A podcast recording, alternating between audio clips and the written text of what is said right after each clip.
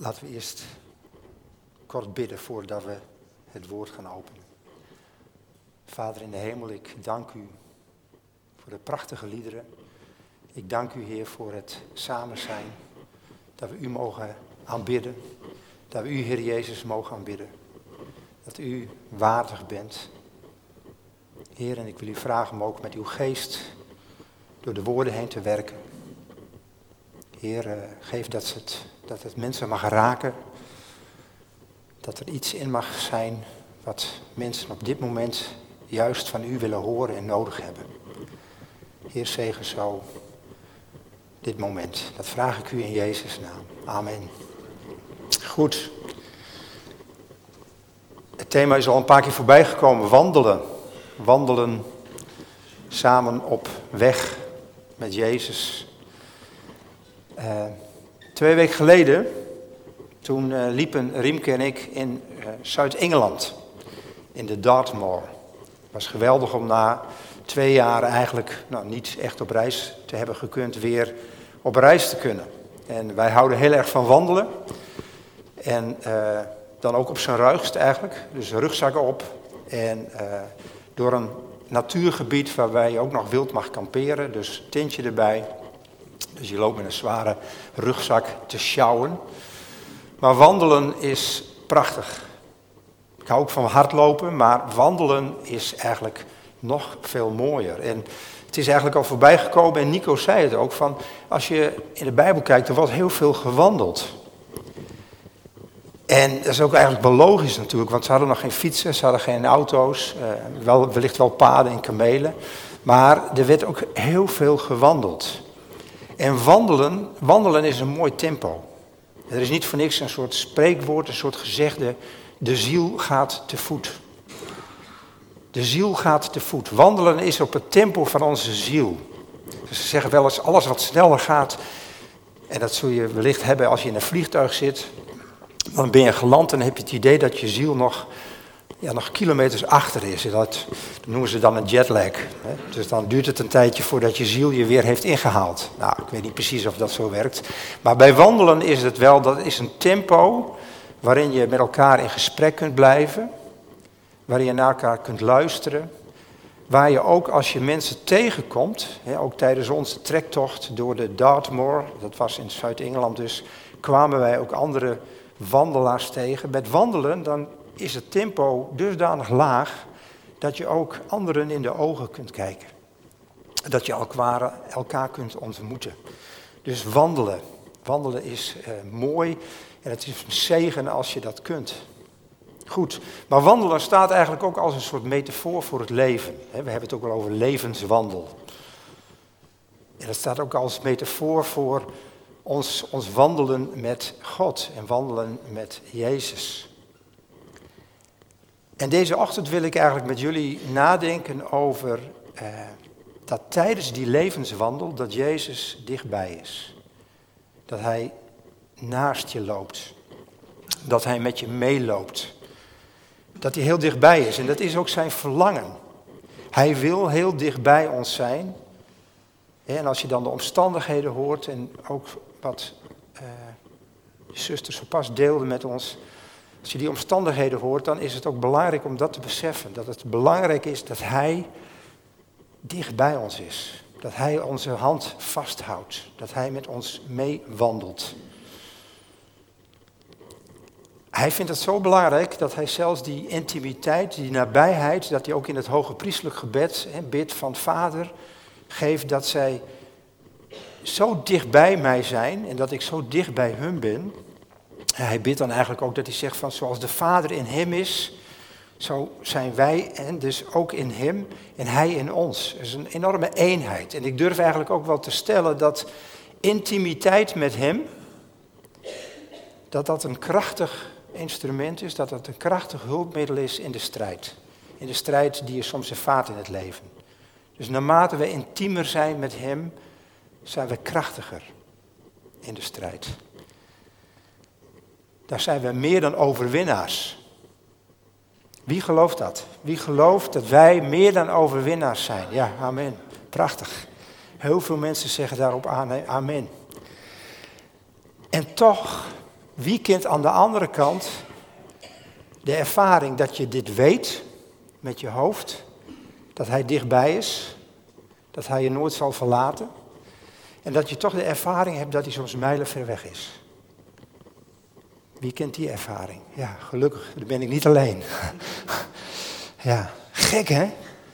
Gek hè, dat je die, je weet het en tegelijkertijd ervaar je soms ook dat hij ver weg is. En eigenlijk is hij niet ver weg, maar zijn wij ver weg. Alleen, het, het effect is hetzelfde. De verbinding met hem voelt dan ver weg. En dan bidden wij, Heer, kom dichterbij. Maar eigenlijk, eigenlijk is dat een heel gek lied. Het is een prachtig lied hoor, laten we wel zijn. Maar wij moeten dichterbij komen.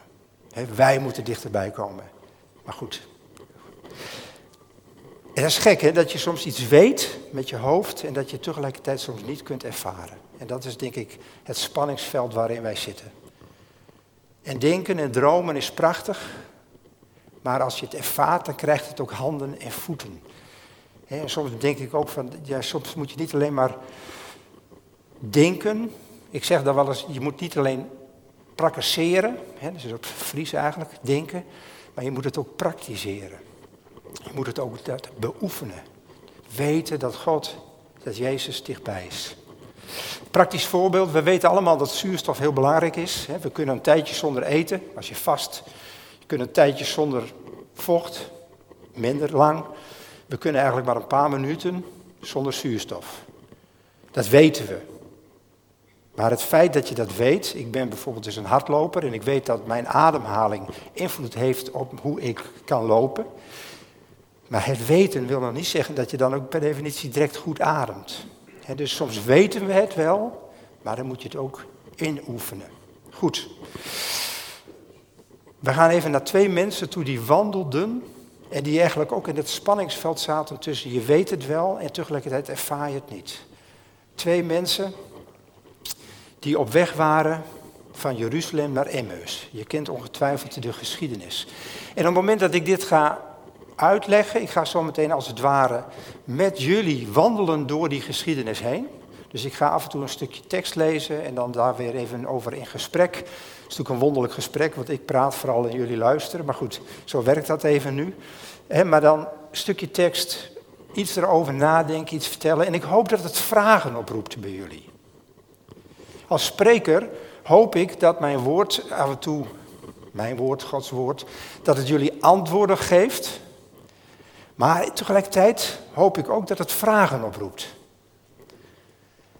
In de Joodse traditie, dat is wel heel mooi, in de Joodse traditie kenmerkt een leerling, een goede leerling, zich niet doordat hij de juiste antwoorden geeft, maar doordat hij de juiste vragen stelt. Ik heb ooit beleidingscategorisatie gedaan en daar werd ik heel erg geleerd om de juiste antwoorden te geven. En als je dan hele interessante vragen ging stellen, werd dat als lastig ervaren. En tegelijkertijd is dat goed. Dus op het moment dat je de tekst straks hoort, dan zou je kunnen afvragen, goh, wat, wat, wat zegt deze tekst mij eigenlijk? Wat kan ik ermee? Waar gaat het over? Over wie gaat het? dus heel veel goede vragen beginnen met een W. Welke? Uh, wie? Uh, wanneer? Waarom? dus vragen. Dus stel die vragen ook terwijl je naar mij luistert. Goed, wij gaan uh, Lucas 24 vanaf vers 13 lezen. En wat ik zeg, ik, af en toe lees ik een stukje tekst en dan gaan we er even wat over hebben. Ik begin met de tekst. Diezelfde dag gingen twee van de leerlingen op weg naar Emmaus. Een dorp dat zesde stadie van Jeruzalem verwijderd ligt. Het ging letterlijk bergafwaarts met deze twee mensen. Letterlijk, maar ook figuurlijk. Letterlijk, want Jeruzalem ligt op een berg. En als je vanaf Jeruzalem gaat, dan ga je naar beneden. Is mij verteld. Wie zijn deze twee mensen? we kennen het verhaal als de Emmausgangers. Zijn er twee mannen? Nou, dat is heel vaak wel gezegd, maar ik zie hier ook al iemand de hand omhoog steken. Zo van, ja, dat weten we niet. Er zijn namelijk ook Bijbeluitleggers die zeggen, nou, het zou misschien ook wel om een echtpaar kunnen gaan. Eh, want in die tijd was het helemaal niet zo gebruikelijk dat twee mannen samen in een huis woonden. In het Israël van begin jaartelling. En ze gingen op weg naar hun huis. Het zou ook een vader en een zoon kunnen zijn. Dat zou dat dan wel weer kunnen verklaren. Nou, er zijn bijbeluitleggers. En het is in het, in, het, in het kader van het verhaal denk ik wel even interessant. Er zijn bijbeluitleggers die zeggen, het gaat om He, Cleopas wordt straks genoemd, maar er zijn bijbeluitleggers die zeggen, nou misschien gaat het wel over Klopas. Klopas die wordt in Johannes 19, vers 25 ook genoemd. En dat is interessant, want Klopas, Cleopas, dat was de oom van Jezus. De broer van Jozef van Nazareth. En dan zou Maria, dat is dan de tante, de schoonzus van Maria de moeder, zou zijn vrouw zijn. Dus misschien was het wel een echtpaar. Dat weten we niet. Er zijn ook andere uitleggers die zeggen, nou, het was Klopas, dat klopt. Hè, de oom van Jezus, de broer van Jozef. En zijn zoon, Simeon. Nou, er zijn dus verschillende ideeën over. Maakt niet zo heel veel uit. Maar ze waren in ieder geval op weg naar Emmaus.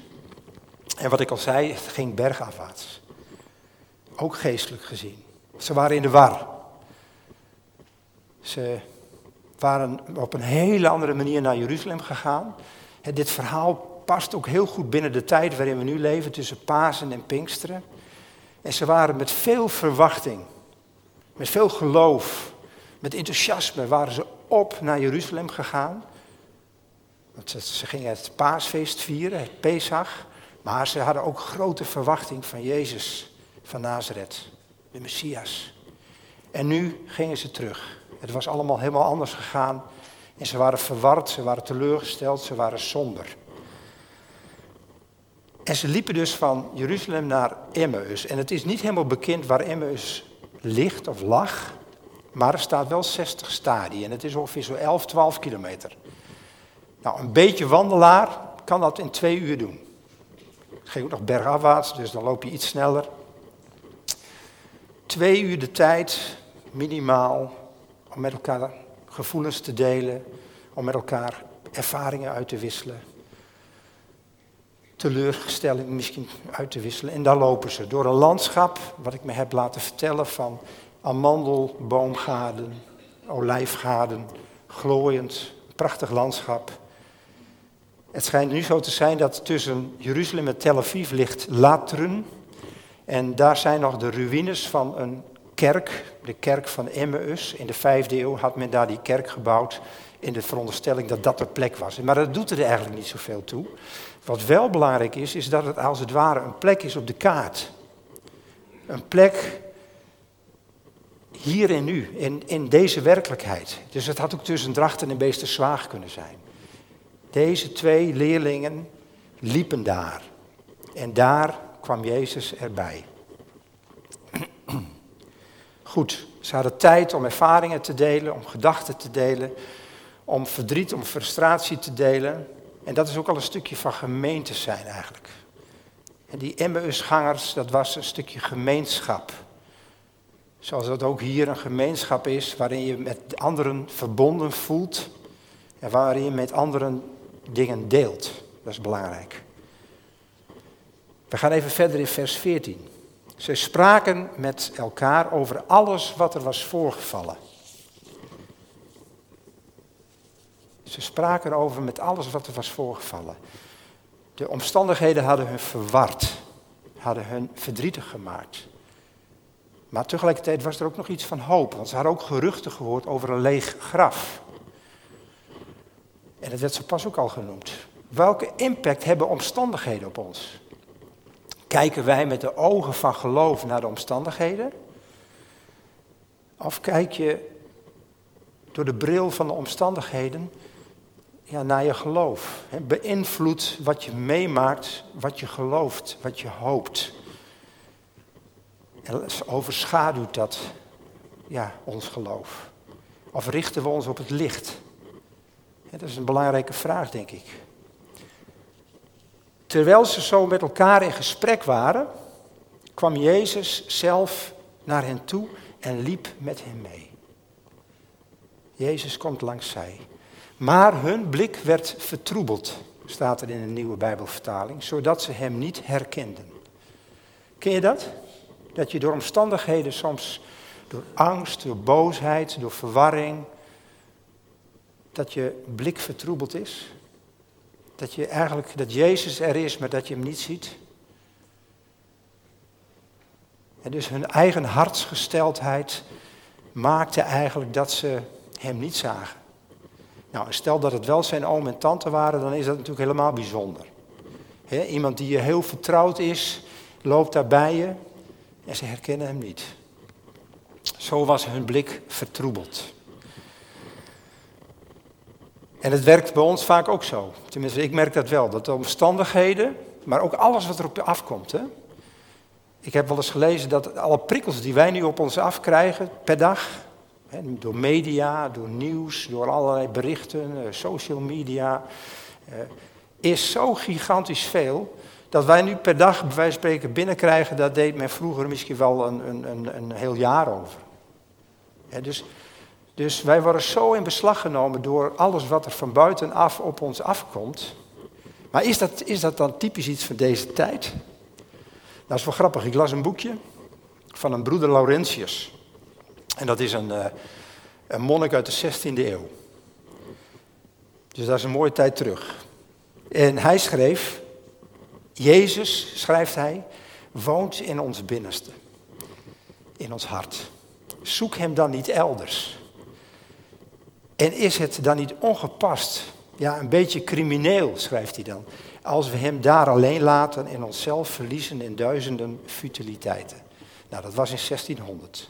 En dus ook toen had men al hinder van dat er allemaal omstandigheden zijn waar je door beïnvloed wordt en dat je het zicht op hem verliest. Dat je zicht vertroebelt. Hun blik werd vertroebeld zodat ze hem niet herkenden. En hij vroeg hen, vers 17, hij vroeg hen, waar lopen jullie toch over te praten? En daar bleven ze somber gestemd staan. Is mooi. En Jezus begint een gesprek. Ook weer zo'n mooie vraag, hè, met een W, een waar over.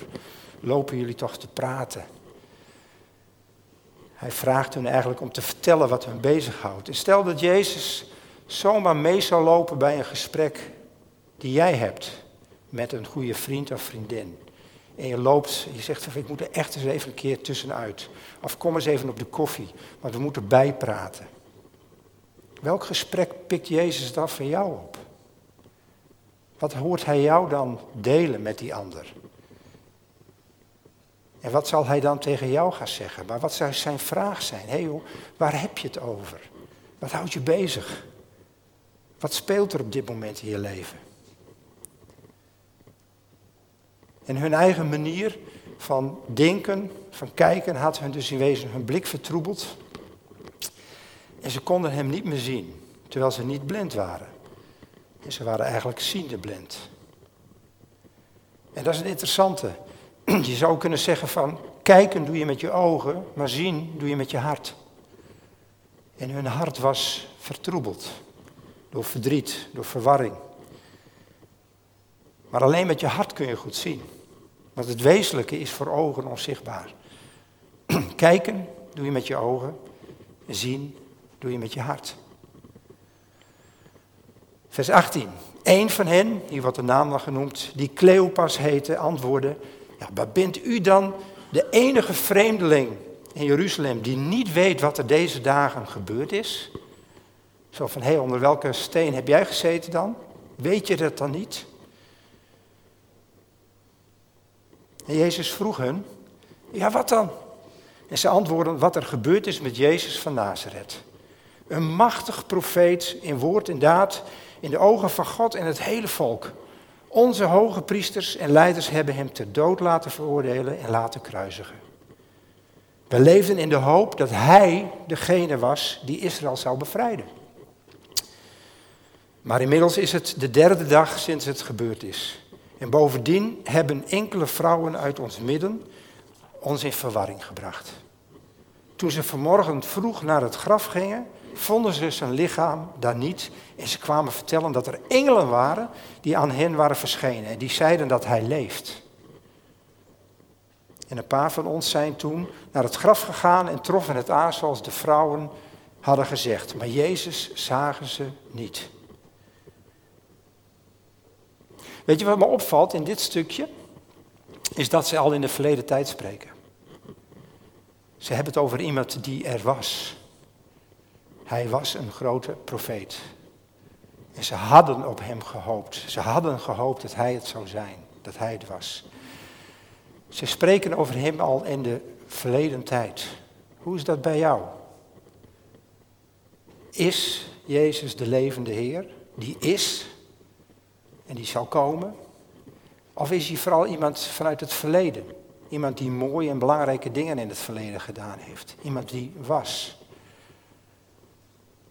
Is jouw geloof gebaseerd op je ervaring hier en nu? Wie hij is? Of is het de herinnering aan een tijd dat je hem van heel dichtbij kende? Wie is Jezus voor u, voor jou? Vers 25. Toen zei hij tegen hen: Hebben jullie daar zo weinig verstand en zijn jullie zo traag van begrip dat jullie niet geloven in alles wat de profeten gezegd hebben? Moest de Messias al dat lijden niet ondergaan om zijn glorie binnen te gaan? En daarna verklaarde hij hun wat er in al de schriften over hem geschreven stond. En hij begon bij Mozes en de profeten. En ik moet eigenlijk hier, op het moment dat hij dit zegt, moet ik direct denken aan de verheerlijking op de berg Tabor waarin Mozes en Elia aan hem uitlegden van wat er allemaal zou gaan gebeuren. Toen de leerlingen hem in zijn glorie zagen. Wij zongen pas ook liederen van, van, van de waardigheid en de glorie van Jezus. Nou, toen op die berg Tabor zagen ze leerlingen het even en Mozes en Elia legden aan hem uit van wat er allemaal moest gebeuren. En nu legt hij het aan deze twee leerlingen uit. Hij opent de schrift. Dat is mooi hè, zo'n bijbelstudie al wandelend. En hij legt hun uit. En het is belangrijk als de omstandigheden je overschaduwen, als er crisissen zijn, als er spannende dingen staan te gebeuren, als dat je overschaduwt, dan is het belangrijk dat je Gods woord neemt en dat dat, dat een licht is op je pad. Op je weg die je moet gaan. Dat dat een licht is. En dat doet Jezus hier. Hij legt uit. Hij zegt van, mensen, zo staat het in de schrift. Zo hebben de profeten daarover geschreven. Vers 28. Ze naderen het dorp waarheen ze op weg waren. En Jezus deed alsof hij verder wilde reizen. Ja, dat vind ik zo mooi. Het is een hele mooie passage. ik vroeg me wel eens af, kan Jezus doen alsof? Ja dus. Hij doet alsof hij verder wil reizen. En ik ben wel wat visueel ingesteld. Dus ik zie dat dan voor me. Die twee mensen, Mannen, man, vrouw, vader, zoon, doet er niet zoveel toe. Maar ze lopen dan. En ze zitten even te overleggen, ja, wat moeten we met deze vreemdeling? Het is al bijna avond. En hij denkt van, nou, ik loop gewoon door. En dan roepen ze hem terug. En dan roepen ze hem terug. En dan nodigen ze hem uit. En eigenlijk is dat heel bijzonder, want Jezus dringt zichzelf dus niet op. Hij verschijnt op een bijna ja, voor hun in ieder geval op dat moment nog niet zichtbare manier.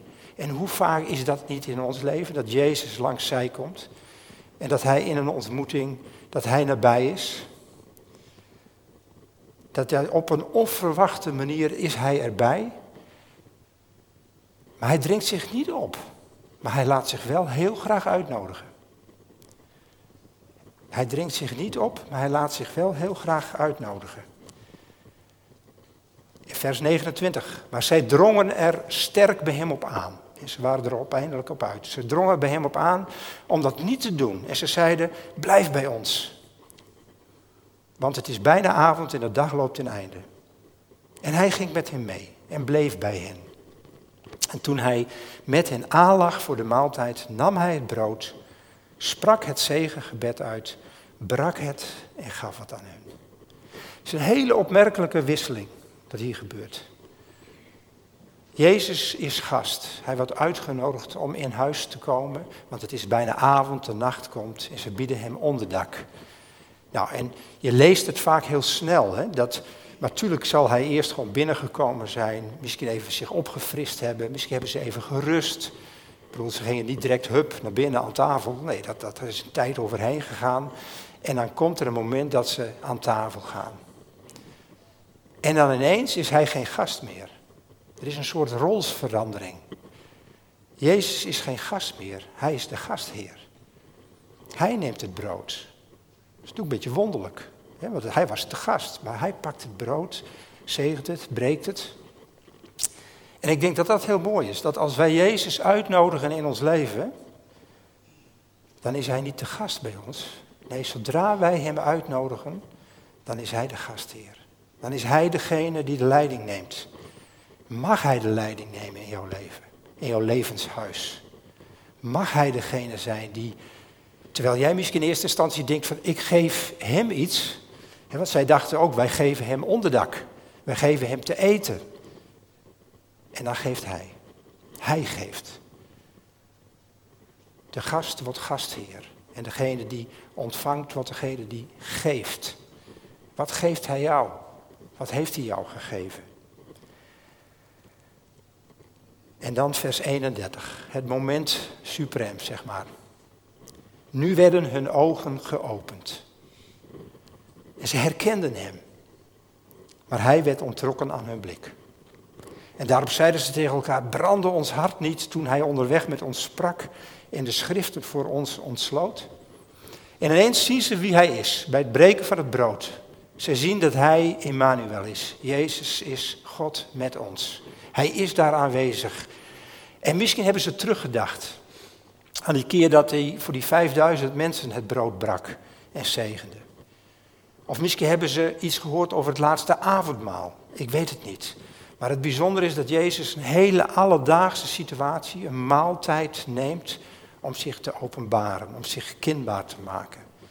En dan ineens zien ze hem. Ze kijken niet alleen meer naar een vreemdeling, maar ze zien hem met hun hart. En dan ineens wordt hij aan hun zicht onttrokken, maar ze zijn het zicht op hem niet kwijt. Ken jij hem op deze manier? Als de Heer, als de levende? En dat hij in een hele alledaagse situatie, in een ontmoeting, zichzelf op een bijzondere manier ineens laat zien?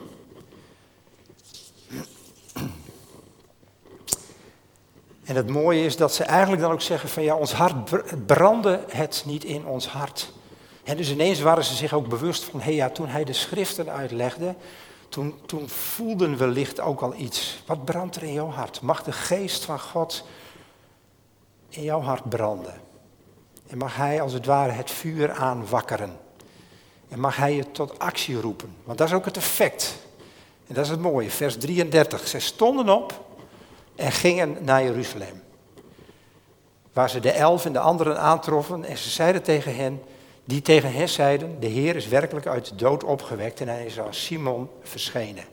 En dat is mooi, hè? dus dan is het al donker en het is al nacht, maar deze ontmoeting, deze openbaring geeft hem zoveel energie dat ze zoiets hebben van, oké, okay, 12 kilometer of niet, maakt me niet uit. Hup, wij gaan dit weer vertellen. Wij gaan dit delen met de anderen in Jeruzalem. Dit moeten ze horen. Nou, en dan kom je dus eigenlijk 12 kilometer bergopwaarts, kom je daar uiteindelijk aan. En ze willen het vertellen en dan wordt het hun al verteld. Dat is ook mooi, dan denk je een nieuwtje te hebben. En dan wordt het hun verteld, ja, de Heer is opgewekt. Hij is als Simon verschenen. Ja, nou precies. Wij hebben hem ook gezien. En ook dat is gemeente zijn. Dus dat is ook het mooie van het delen van vreugde met elkaar. Delen wat jij gezien hebt, wat jij ervaren hebt van God. Nou, even terug. Terug naar de vragen eigenlijk, hè, dus die je zou kunnen stellen. Van, uh, wat valt je op in dit verhaal? Wat raakt je in dit verhaal? Of wat, wat is de belofte eigenlijk in dit verhaal? Nou, er zitten een heel aantal zaken die wellicht al beantwoord zijn. Uh, hoe breng ik deze tekst in de praktijk? Wat doe ik hiermee in mijn dagelijkse leven? Nou, die vragen kan ik natuurlijk niet voor jullie beantwoorden. Maar die moet je zelf namelijk beantwoorden. En dat is het mooie, die moet je uitleven. Ik kan wel delen van een aantal zaken die ik eruit opgepikt heb in de voorbereiding. Nou, er een aantal zaken die mij daar opvallen. Namelijk ten eerste de belofte dat Jezus erbij is. Hij zegt ook waar twee of drie in mijn naam vergaderd zijn, daar, daar ben ik in hun midden. Hij is erbij. En je hebt soms van die perioden dat je misschien sleepvoetend door het donker loopt. En dat je als het ware van Jeruzalem naar Emmaus gaat. En dat je denkt van weet je, we gaan maar weer naar huis. Alle verwachtingen zijn, eh, zijn, zijn anders gelopen. Laat maar. Hij is er ook dan bij. Dat is de eerste wat ik hieruit opmaak. En uh, ook al heb je soms het gevoel dat God kilometers van je verwijderd is, dat is niet zo. Er is een Engelse uitspraak. En die zegt: God is nowhere. God is nergens. Wat grappig is, als je diezelfde letters een heel klein beetje aanpast, dan zou je kunnen zeggen: God is now here. Het zijn dezelfde letters. Je hoeft alleen maar een klein beetje ruimte te creëren in het woord nowhere. God is now here. God is nu hier. God kan zelfs niet nergens zijn. Het tweede wat mij opvalt, is dat die twee mensen, wie het dan ook waren, dat ze gevoelens met elkaar deelden. Dat ze niet gefrustreerd, zwijgend naar huis gingen, maar dat ze gevoelens met elkaar delen. Dat ze verwachtingen, dat ze teleurstellingen, en dat is gemeente zijn, dat is verbonden zijn met de ander. En wat ook het thema is hier deze, deze maand of deze periode. Verbondenheid met de ander. Nou, verbondenheid creëer je door dingen met elkaar te delen. Vreugde, maar ook verdriet. En op het moment dat je dat met elkaar deelt, ja, dan is hij daar ook bij. Nou, het derde punt wat mij opvalt en wat mij ook helpt, is dat Jezus dus op een onopvallende manier aanwezig is. Hij is op een onopvallende manier aanwezig. Hij dringt zich niet op, maar hij laat zich wel heel graag uitnodigen. Nodig hem uit in je leven.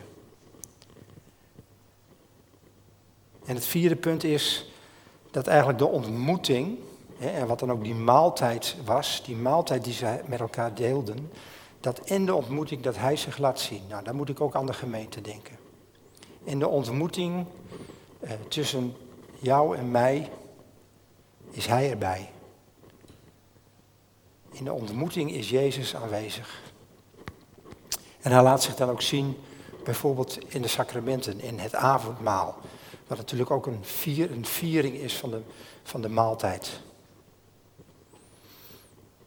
De laatste conclusie die ik eruit trek, is dat een ontmoeting met de levende Heer altijd leidt tot actie. deze twee mensen die vervolgens weer nieuwe energie hebben om weer die berg op te gaan, op naar Jeruzalem en hun vreugde te delen met de anderen. Een ontmoeting met de levende Heer leidt tot actie, leidt tot beweging, leidt tot bewogenheid.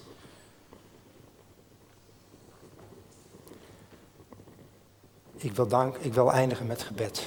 Vader in de hemel, ik dank u. En Heer Jezus, ik dank u dat als wij wandelen, als wij wandelen door het leven, dat u met ons meewandelt. Heer, en dat u onze hand vasthoudt. Dat u ons bemoedigt. Dat u ons uitnodigt om u uit te nodigen. Heer, wees welkom in ons leven. Wees welkom in ons huis. En Heer Jezus, dank u dat u de levende Heer bent. Heer, u bent levend ook vandaag de dag. Heer, en openbaar uzelf, laat uzelf zien, ook in het leven van de mensen hier en de mensen die dit horen. Heer, u bent de levende Heer. En wandel met ons mee. Heer, wandel met ons mee op ons levenspad. En ik dank u voor al uw beloften en uw liefde. In Jezus' naam. Amen.